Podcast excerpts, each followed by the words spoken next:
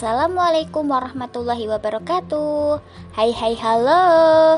Bagaimana kabarnya teman-teman semua? Semoga kabar kalian semuanya baik-baik ya. Amin. Balik lagi nih sama Kak Ni. Oke, kali ini kita bakal membahas satu tema yang lagi ramai dibicarakan nih. Hayo, penasaran kan? So, stay tune sampai akhir yuk. Jadi, kali ini Kak Ni akan menyampaikan terkait self-love Wah, menarik bukan? Mari kita mulai. Selamat mendengarkan.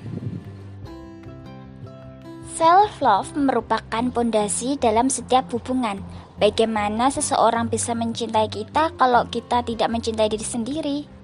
Mencintai diri sendiri artinya menerima diri sendiri sebagaimana adanya. Artinya, Anda memiliki harga diri, citra diri yang positif, dan menerima diri Hal-hal ini menjadi kunci hubungan yang sehat dan bahagia.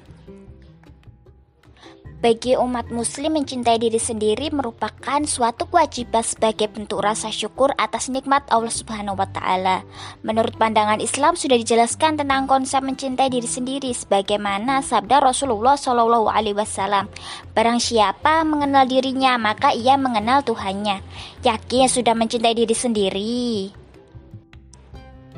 Self love sendiri adalah segala hal-hal yang kita lakukan dalam rangka mencintai diri sendiri baik dari fisik dan non fisik. Di mana ada empat aspek self love loh teman-teman. Apa aja sih? Yang pertama self awareness atau disebut dengan selamat dunia akhirat. Yang kedua self worth yang artinya manusia makhluk yang mulia. Yang ketiga self esteem yang artinya percaya diri kepada potensi dari Allah Subhanahu wa taala dan yang keempat self care yang artinya merawat diri lahir dan batin.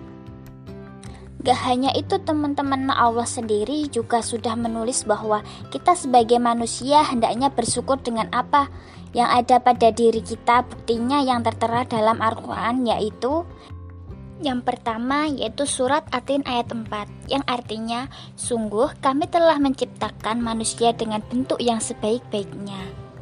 Hal yang menghambat kamu untuk mencintai diri sendiri biasanya karena kurang bisa menerima diri, melihat orang lain punya tubuh dan wajah yang kamu rasa lebih cantik dan tampan membuatmu lupa untuk menghargai Allah.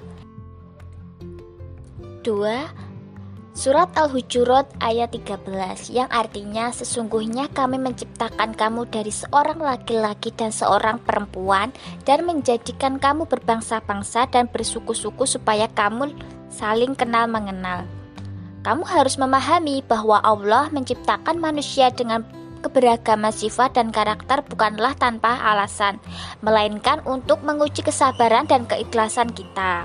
Yang ketiga surat An-Nisa ayat 124 yang artinya barang siapa yang mengerjakan amal soleh baik laki-laki maupun wanita sedang ia orang yang beriman maka mereka itu masuk ke dalam surga dan mereka tidak dianiaya walaupun sedikit pun kamu adalah pribadi yang bisa memberi manfaat Lakukan baik apa pun, jangan memandang besar kecilnya.